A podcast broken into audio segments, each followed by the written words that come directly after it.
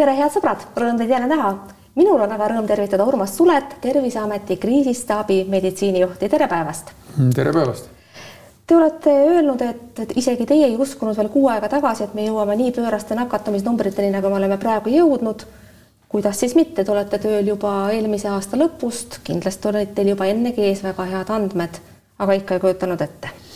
no eks ma olin samas situatsioonis kui kõik teised inimesed vabariigis ja neid inimesi, kes täna tegelevad aktiivselt sellesama probleemiga, nendest ma arvan, lõviosa ei kujutanud ette, et olukord võib selliseks minna või vähemalt me kõik alateadvuslikust lootsime, et see ei lähe nii.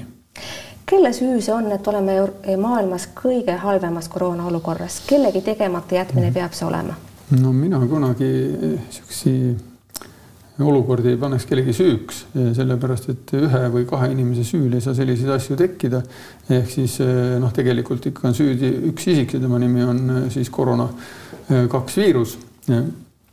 aga, aga asjaolud on selliselt kujunenud, et me oleme täna sellises olukorras, nagu me oleme ja me peame tegelema sellega, et täna on meil üks ja suur probleem ja me peame tegelema sellega, et see probleem saaks lahendatud Üllar Lanno, Terviseameti juht, on minus küll oluliselt äh, süütundeid tekitanud, ta lubas koguni suve ära jätta, kui inimesed korralikult käituma ei hakka. tõsiselt rääkides, kas selline ähvardamine on kohane? no eks erinevad inimesed ikkagi natukene väljenduvad ennast äh, ka sarnastes situatsioonides erinevalt ja noh, mina arvan, et Üllar Lanno, kui ta isegi niimoodi on öelnud, et siis ta suure tõenäosusega on soovinud head või ta on oma ütlusega soovinud inimesi üles kutsuda. Et eh, kui me võrdleme, mis meil on teistmoodi võrreldes siis selle esimese lainega, siis kindlasti eh, selle aasta alguseks ja eelmise aasta lõpuks meil niisugune kogukondlik eh, hirmu, positiivse hirmutunne oli kadunud ja seda, seda kokkuhoidmist või hirmutunnet, see, mis edasi viib, seda natukene tekitada kindlasti ei ole ka patt Anno, arvestades seda, et lähikontaktsed tõepoolest jooksevad ka ringi siis, kui nad peaksid kodus istuma, võib-olla tõesti mitte, kuid on kummaline, et minu riik meid hirmutab. Aga hästi, täna on meil jällegi ligemale seitsesada inimest haiglas ja teie kaudu siis need numbrid avalikkuse ette jõuavad. millal jõuab kätte see olukord, kus Eestis inimesed hakkavad abita jääma, ma mäletan, te astusite ametisse, siis te ütlesite juba siis, et haiglate suutlikkus on viimase piiri lähedal, siis oli haiglas palju vähem inimesi kui praegu, millal see juhtub, et suutlikkuse piir kätte jõuab? jah, siin ma pean ikkagi kaks sõna rohkem ütlema, et eh, meil ikkagi Eestis täna, täna me liigitame haigeid justkui kahte liiki, et ühed on Covid üheksateist põdejad ja teised on teised haiged. aga. kui ma ütlen seitsesada, siis ma mõtlen Covid patsiente. aga see väljakutse on ju tegelikult selles, et me lisaks sellele, et me peame suures hulgas nakkushaigeid ravima, peame ka aitama kõiki teisi haigeid ja sellest eh, ei saa kuidagi taganeda, et me peame leidma selle kahe siis haigete grupi, kui nii sobib öelda, vahelise kompromissi ja see on väga suur väljakutse. et täna ma tõesti julgen öelda, et eh, Põhja regioonis on meil kujunenud selline olukord, mis no Eesti jaoks on kõige ebamugavam. see, et haigestumus epitsenter on Harjumaa ja Tallinn, on tinginud selle olukorra, et Tallinna haiglad on väga Äh, siis ütleme täidetud Covid haigetega ja see on väga suur väljakutse, kuna Tallinn on kõige suurem piirkond ja väiksematel piirkondadel äh, Tallinna haiglat haiget äh, aidata on ülikeeruline. kui palju siis Lõuna-Eestisse on viidud? Lõuna-Eestisse on viidud eilse hommikuseisuga vähehaigeid, viisteist, aga tänasest käivitus see noh, nimetame seda Lõuna-Eesti Ekspressiks, et täna saabus kaks brigaadi juba päeval Lõuna-Eestist siia Tallinna haiglatesse ja eelnevalt on siis kokku lepitud, millise haiglasse lähevad ja selle info, et kui palju siis päeva lõpuks või homme hommikuks haigeid saab äh, transporditud äh, lõunaregiooni haiglatesse, saame hommikul. aga nüüd läks siis lahti aktiivne haigete äraviimine Tallinna haiglates selle mõttega, et siin voodikohti säilitada. meile pakkusid abi ka Läti ja Leedu, kui meie näitajad läksid väga halvaks, ma saan aru, seda abi võetud vastu, kaalutakse selle vastuvõtmist veel või oleme me abipakkumised visanud üle varda ei, abipakkumisi üle korda kindlasti ei viska, aga noh, eestlastel on hea ütlus, et eh, enne kui lähed Pariisi, käi nuustakul ära, et eh, noh, tähendab ka siin eh, hädaolukorra kontekstis ju seda, et, et palju lihtsam ja palju kiirem on abi siis Lõuna-Eestist anda Põhja-Eestile, kui me peaksime kaasama näiteks Läti või Soome haigete ravisse, et üle piiri viia suures hulgas nakkushaigeid on, on päris suur väljakutse ja ma väga loodan, et me sinnani ei jõua. Tehnilise abi koha pealt jah, meil on erinevad riigid seda pakkunud, nende tehniliste abi vastuvõtmistega praegu tegeletakse, aga ka praegu oleme läinud siis seda teed, et enda kasutusel olev tehnika jagada laiali niimoodi, et haiglad saaksid seda kasutada seal, kus on tarvis Teie eelkäija Arkadi Popov, keda rahvas palavalt armastab, sai sellel ametikohal kaks tuhat kolmsada eurot miinus maksud. kui palju teie saate? no meil on tegelikult Arkadiga mõlemal samamoodi, et on tunni arvestus ja eh, siis me saame eh, selle arvestuse järgi. ehk siis summa on sama või suurem või väiksem? sõltub tundide arvust, on olnud kuid, kus on sama, on olnud kuid, kus on suurem. hästi tahaksin teha nähtavaks ka teie teised, teie teised positsioonid, kuna te olete Eesti meditsiinis ikkagi erakordselt mõjuvõimas isik ja te olete ja seda viimasel ajal on vähe räägitud, et te ei ole mitte ainult Terviseameti tippametnik vaid olete ka Haiglate Liidu juht ja endiselt ka Pärnu haigla juht. ja on veel üks kõrge ametipost, et millest me räägime võib-olla päris lõpus, olete siis ka Euroopa, kuidas see täpselt oligi? see on Tervishoiu ja Haiglate Föderatsiooni eh, võiks öelda siis president on sama. just väga-väga pidulik nimetus, mis mul kohe meelde ei tulnud. aga Haiglate Liidu juhina minu meelest ehm, vaatate te praegu eh, kriisistaabi juhina siis vastamisi olete selle olukorraga, mille te olete tekitanud ise Haiglate Liidu juhina. korduvalt on ju juhitud tähelepanu sellele ka teie enda suu läbi, et praegu ei ole probleem mitte niivõrd voodikohtade arvus või isegi ka mitte meditsiinitehnikas, kuivõrd inimestes ehk siis tervishoiutöötajate puuduses ja eelkõige õdede puuduses. kuidas te ennast tunnete selles olukorras, kus teie kaks ametit sel kummalisel viisil risti lähevad, ühe tegemata jätmised paistavad teises ametis väga selgesti silma? Mm, no mina küll ei julgeks öelda, et Haiglate Liidu tegemata jätmine on see, et meil tervishoiutöötajate nappus on äh, lihtsalt kelle töö see siis peaks olema, minu meelest on üks teie esimesi ülesandeid selles ametis. ma tooks väikse näite ikkagi ülemaailmselt, et ülemaailmselt WHO kaardistuse järgi on circa poolteist miljonit tervishoiutöötajat, see tähendab arstiharidusega ja õendusharidusega inimest puudu üle maailma. Ja Eesti selle koha pealt noh, on natuke sarnases olukorras, aga Haiglate Liidu poolt me tegelikult oleme väga aktiivselt sellega vastupidi tegelenud. oleme aktiivselt olnud kaasatud siis ministeeriumite vahelisse arstide vastuvõttu lepingusse, mis tänaseks tõsi enam ei kehti, aga arstide vastuvõttu selle tulemusel suurendati väga oluliselt nelja aasta lõikes ja ka residentuuri mahtusid ja oleme olnud ka aktiivsed nüüd õendusala töötajate siis koolitusarvu tõstmise osas ja ka tegelikult seal me saavutasime siis taseme, mis võrreldes algtasemega oli circa nelikümmend protsenti kõrgem. õdede liit tegi just täna avalduse, milles ta viitab sellele, et kollektiivlepingu rääkimised, läbirääkimised, mis algatati eelmisel suvel, on ummikusse jooksnud. Te ei ole reageerinud kutsetele neid jätkata ja seesama pressiteade või millest osa väljaandeid tegi ka uudise, viitas sellele, et koolitusmahud on erakordselt väikesed. see on põhjus, miks me oleme omadega meditsiinis praegu sealmaal, kus me oleme. samuti probleem, millest on räägitud pikki aastaid. ehk mm. siis nad viitavad väga otseselt sellele, et teile pikka aega, vähemasti kümme aastat teada olnud probleemid on siiamaani lahendamata Mm, ma küll ei loe sealt välja ühtegi probleemi, mida ma oleks kümme aastat teadnud, mis on lahendamata. kuidas selle kollektiivlepinguga ikkagi on, läbirääkimised oleksid, neid algatati juba eelmise aasta suvel, nad ei ole üldse edasi liikunud, miks? Eh, noh, väga lihtsal põhjusel, et eh, Õdede Liidu poolt eh, tähelepanu juhitud dokument tähendaks üle kümneprotsendilist palgatõusu selle aasta alguses.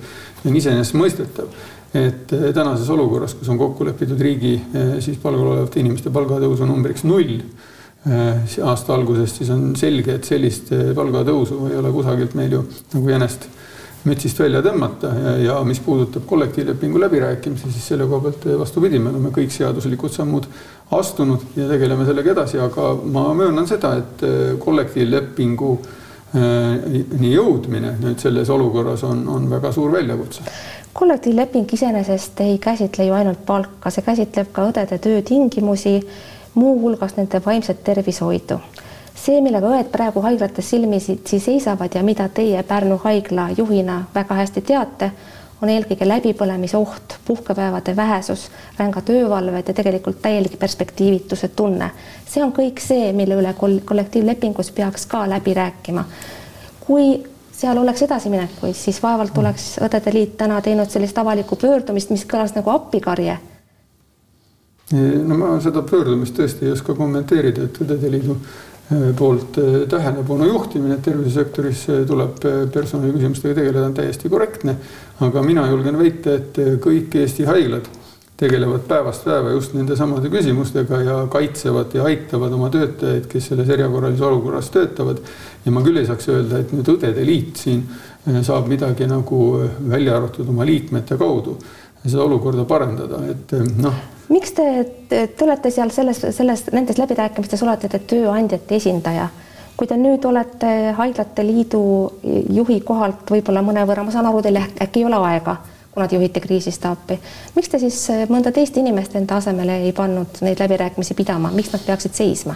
ma veel kord rõhutan, et hetkeolukorras see, mis puudutab kollektiivlepingu sisu, siis sellega me tegeleme päevast päeva, mis puudutab kollektiivlepingus uue lepingu sõlmimist situatsioonis, kus selleks puuduvad ressursid, eh, siis me võime noh, teha mida iganes, aga siin tulemusi on raske saavutada et meie poolt on alati Haiglate Liit rõhutanud seda, et tervishoiutöötajad ise peavad ka ühtsed olema. Ja praegu meil on ikkagi väga selgelt olukord, kus tegelikult Õdede Liit tuleb, on tulnud eraldi kollektiivlepingud läbi rääkima. Ja see on kindlasti keeruline, et kollektiivlepingu läbirääkimised praeguses olukorras, ma möönan, on väga keeruline projekt, sellega kindlasti minnakse edasi ja seal kindlasti tuleb lahendus. Kuna ja milline, seda täna kindlasti ma ei ütle Eestis on äh, haiglaid ja selliseid äh, nurgakesi, kus ühe õe hoolitseda on kümme Covid haiget, mitte küll intensiivravis, aga mõnes muus situatsioonis.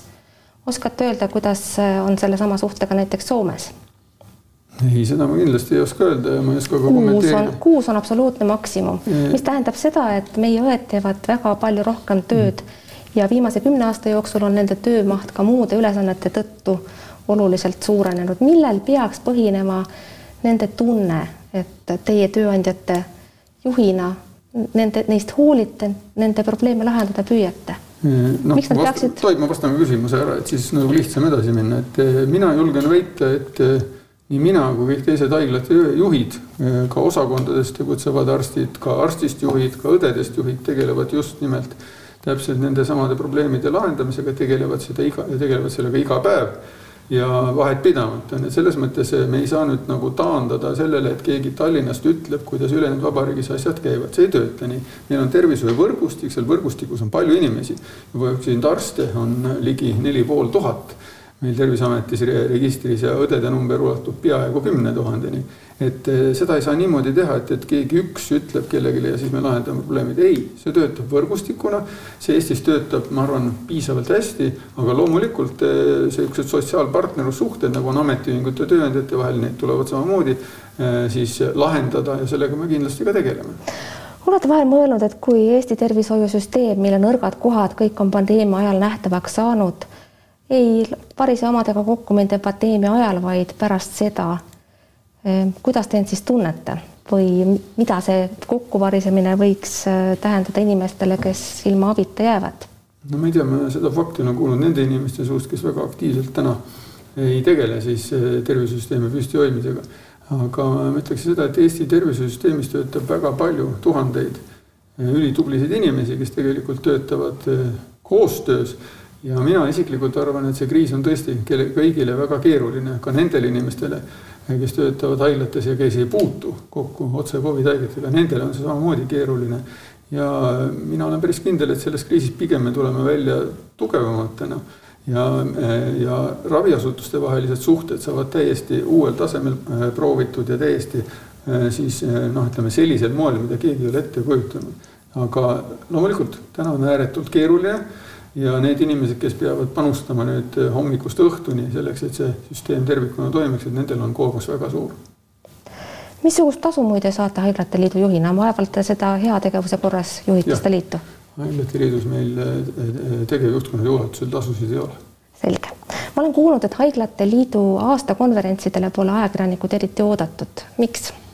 Eh, ma saan vastata seda teistpidi, et selle konverentsi idee me tegelikult võtsime Eesti Kaitseministeeriumilt ja eh, nemad omakorda on võtnud selle Soome kolleegidelt ja eh, praegu meil ongi läinud elu nagu väga sihukeseks eh, väljapoole, et kas Facebookis või ajalehes, ajakirjas, et mina julgen väita, et kõige tugevam juht ja kõige tugevam arst ei ole need kes on kogu aeg ajalehe esikülgedel ja Haiglate Liidult me saime täpselt samasuguse liikmete tagasiside, et meil on puudu üks selline kokkusaamine, kus tegelikult tullakse kokku. kus ajakirjanikke ei ole? ja ma natuke täpsustaks siiski, ajakirjanikke seal ka ei ole jah. Et ja kus arutatakse asju selliselt, et need asjad jäävad sinna ruumi. See on tegelikult juhtimises täiesti tavaline olukord ja me teeme seda iga päev. Ja ma olen siis eh, eelmine ja üle-eelmine aasta me küsime kahel korral üle Eh, osalejate käest, et kas nad tahaksid eh, nüüd sellises formaadis üritust, et me oleme ka ringhäälingus nähtavad ja nad arvasid, et ei, et see üritus peaks jääma, see annab võimaluse kõikidel esineda sellisel moel, et me saame küsida ka selliseid küsimusi, millele vastatakse sisuliselt väga kahju, et ajakirjanike kuuldes sisulisi vastuseid ei taha seal konverentsil anda, aga hästi. ma teeksin kuulajatele nähtavaks teie lahkel loal ka teie rolli Pärnu haigla juhina, kus te olete töötanud siis juba ligemale kakskümmend aastat või isegi üle selle. kuidas te praegu saate Pärnu haigla juhina üldse jätkata, ma kujutan ette, et teil ei ole selleks lihtsalt aega. no igas ametis äh, tuleb see aja planeerimise küsimus esile ja meil ka konkreetselt Pärnu haiglas on tõesti see teema on eelnevalt, kui ma sellesse ametisse asusin, eh, siis räägitud läbi nii siis ministeeriumi Terviseametiga loomulikult eelnevalt ja eelnevalt räägitud läbi ka haigla nõukoguga. ja lihtsalt väljendades tähendab ta tegelikult see, et haigla ravijuht Veiko Vahula igapäevategevustes loomulikult omab oluliselt suuremat rolli nagu mina aga ma saan aru, te annate endiselt allkirju, eeldatavasti võtate siis vastu ka ligemale kuue tuhande eurost palka. kas ma saan õigesti aru? ei, selles mõttes mul töö, töö tegemata ei jää, et eh, see, kui ma füüsiliselt ei viibi kogu aeg Pärnus, ei tähenda seda, et me töö jääb tegemata ja jah, töötan täie koormusega. töötate täie koormusega ja saate täispalka Pärnu haigla juhina? jah. ja sõidate siis kogu aeg Pärnu vahet? no ikka päris tihedalt jah. kui me lõpetame, hakkan sõitma. või nii? Te jõuate tõepoolest palju andke andeks, tahaks veel tuletada meelde mõned vanad asjad, nimelt teil on selja taga suhteliselt ebameeldiv korruptsiooniskandaal aastast kaks tuhat seitseteist, kui kaevandati Pärnu haiglas Bitcoine haiglaarvutitega, haigla töötajad käisid teil kodus tööd tegemas. et hakka pihta tegutses majas varas, kes jäi vahele, aga teie ei pöördunud prokuratuuri poole. see lugu tuli avalikkuse ette Postimehe vahendusel ja ma mäletan, et te jäite pärast seda isegi ametisse ja isegi mingi selliseid väga tõsiseid uurimisi teie suhtes ei algatatud. see, mida ma ette lugesin, minu hinnangul on pesuähe korruptsioon. parandage mind, kui ma eksin. kuidas te tookord üldse ametisse jäite? no see, mis teie ette lugesite, see loomulikult on korruptsioon ja see, et see, seda uuriti, vastab samuti tõele. aga kui ise natukene siis oma teksti üle loete, siis suure tõenäosusega saate aru, et üks inimene selliseid asju äh, korraga teha ei saa. ma pean silmas seda, et te olite haigla juht, materjal on refereeritud Postimehest, Nils mm. Niitra kirjutisest. just, et äh, meil Eesti Vabariigis siiski on ka olemas niisugune institutsioon nagu politsei, on kohus, on sellised institutsioonid, kes tegelevad vastavate asjadega ja, ja sellesama temaatikaga on tegelenud väga erinevad institutsioonid ja minul isiklikult on küll äh, hea meel, et see omal ajal on juhtunud, see on hästi ebameeldiv sellisesse kaasusse sattuda, aga sellest kaasusest väljatulek teeb sind tugevalt targemaks. juhatuse valimised on äh, minu andmetel peagi uuesti ees. kas äh, on mingi põhjus teil oma koha pärast Pärnu haigla juhina muretseda või jääte kindlalt ametisse ka uues juhatuses? ei no mina ei saa nagu selles mõttes otsustada, kes jääb või ei jää ametisse, on selgelt nõukogu pädevuses. nõukogu otsustab? absoluutselt. Ja nõukogu esimees on siis Pärnu linnapea jah. kellega teie erakonnakaaslane ei ole, õigupoolest te Reformierakonda küll ei kuulu, kuid kandideerisite juba ka eelmistel valimistel Reformierakonna nimekirjas. kas poleks olnud ausam astuda erakonda ja, ja kandideerida erakonna liikmena? kui tohib täpsustada, siis mina esimesena kandideerisin juba tükk aega tagasi ja mitte Reformierakonna, vaid Brakmani eh, nimekirjas ja Reformierakonna nimekiri. viimastel valimistel. ma täpsustaksin lõpuni et viimastel valimistel on juba see jätk, et tegelikult Brakmani nimekirja äh, tulevikus, sellest saigi Reformierakonna nimekiri ja kuna seal on väga palju neid inimesi, kes tegelikult on Pärnu haigla arengule äh, väga tõsiselt kaasa aidanud, sealhulgas ka Pärnu uue haigla sünnile, siis mina küll ei leia mingit häbi olevat äh, sinna kuuluda, aga teistpidi olles tervishoiujuht, ma pean ju tegelikult töötama kõigi poliitikutega, sõltumata sellest, mis parteist või mis linnast või mis on nende jalanumber. et seetõttu ma olen seda meelt, et ma ei peaks parteisse kuuluma, ei ole kuulunud varem ühtegi parteisse komparteisse mitte ja ma arvan, et see tundub mulle mõistlik ja loogiline ka tulevikus kui te viimati kandideerisite, siis te kutsusite ka haiglas veel töö ajal kokku oma kolleegid ja kutsusite neid enda poolt hääletama. Kui te nüüd äkki uuesti peaksite kandideerima, kas peate seda endiselt heaks tavaks või ajate asju teistmoodi mm,? no see on küll natukene nagu võimendatud, esiteks ma ei ole otsustanud, kas ma üldse kandideerin ja teistpidi. millal otsustate? no siis, kui on õige aeg et ja teine asi on selles, et noh, katsume nüüd natuke mõelda, et kui sa töötad haiglajuhina, siis tegelikult sa ei saagi ju kellegiga rääkida sellest, et kas sa kandideerid volikogusse või miks sa seda teed. seda ei ole ühelgi teisel moel võimalik teha, teine alternatiiv oleks minna siis töötajatele koju seda rääkima, siis ma arvan, et on tunduvalt ebamõistlikum. ehk kõik inimesed, kes töötavad kollektiivis nad vahest tahtmata suhtlevad oma kolleegidega ja kui sa kolleegidega suhtled, siis on täiesti põhjendatud ka kolleegide küsimus või huvi, et kas või miks üks või teine kolleeg siis eh, kandideerib kohalikku omavalitsusse. hästi, mis autoga muide praegu sõidate? džiibiga. kas ikka sellesama džiibiga, mille saite kahe tuhande kaheksateistkümnendal aastal ja mille liisingukulud kannab Pärnu haigla? jah see ei ole tegelikult väga tavaline praktika, sest teistel haiglatel säärast kommet ei ole. kuidas on teil tekkinud Pärnus haiglas nii soodsad tingimused, et autode, autokulusid on haigla pikki aastaid katnud? no see on nüüd tehnika küsimus, et äh, see on nüüd äh, haigla, äh, ütleme antud juhul nõukogu otsustada, et kas siis on ametiautoga tegemist või siis paljudel haiglatel ja teistel asutustel samuti on autokompensatsioon, et ma olen kindel, et nõukogu arutab seda ka tuleviku suhtes ja, ja minul pole nagu mingisuguseid eelistusi ühel või teises suunas. aga üks asi, millest kindlasti tuleb aru saada, et noh, nii nagu on eh, arsti tööriistaks erinevad meditsiiniseadmed, noh, nii on tegelikult eh, tegevjuhi eh, tööriistaks ka auto ja arvuti ja telefon ka, nii et, et need on tööriistad, kui neid mitte kasutada, siis seda ametit kahjuks ei ole võimalik pidada, vähemalt edukalt mitte. kas oskate nimetada peast suurusjärgu, kui suur see liisingu kulu Pärnu haiglale kuus on? rõhutan, mina rõhutan omalt poolt veel, et see ei ole tavaline no, kulude katmine. nelisada eurot. hästi. Teil on veel üks neljas ametikoht või mõjuvõimas ametikoht. eelmisel aastal valiti teid Euroopa Haiglate Liidu presidendiks. kui palju te praegu seda tööd jõuate teha, arvestades, et teil on igasuguseid muid ametikohti niigi palju? noh, see töö tahes-tahtmata on niisugune rohkem tsükliline või, või ta ei ole nii, et iga nädal peaks teatud tundide arvu tegema, aga, aga äh, see piirang, et inimesed teineteisega ei kohta, kindlasti on mõjutanud ka siis Euroopa haiglate ja Tervishoiu Föderatsiooni tegemisi. ja noh, ütleme niimoodi, et viimasel ajal on, on seda tööd tulnud suhteliselt vähe teha, kirjavahetus Äh, ja siuksed rutiinsed tegevused ikka, et noh, praegu ka aruandlus saab kokku. et äh, jämedalt võttes umbes neli suuremat koosolekut aastas on, on see, mida tuleb ette valmistada ja siis vahepeal on jooksev tegevus. kuna me juba palkadest nii palju rääkisime, siis kas see on palgaline ametikoht või ei ole? ei. hästi lõpetuseks veel, ma tean, et te olete hariduse poolest välja õppinud anestesioloog, kuid olete pikka, pikka aega tegelenud peamiselt juhtimisega. millal te viimati kedagi enne operatsiooni saite toimestada? seda ma tean täiesti peast, sest see langes kokku konkreetsete sündmustega, see oli kümnes september kaks tuhat üks.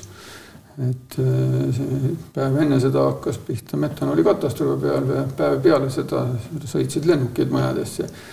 kui te tahaksite erialase töö juurde naasta, siis peaksite ilmselt oma oskusi uuendama kindlasti, sest et kui sa igapäevaselt erialakirjandust ei loe ja praktilist tööd ei tee, siis sa kindlasti lähed rooste ja, ja see tähendab igal juhul seda, et sa pead noh, selle rooste enda pealt maha saama püütud. Urmas Sulem, olen teile südamest tänulik, et tulite stuudiosse. aitäh, head sõbrad, et te vaatasite. Vaadake teinekord ikka jälle, elage vahepeal hästi. Kuulmiseni, nägemiseni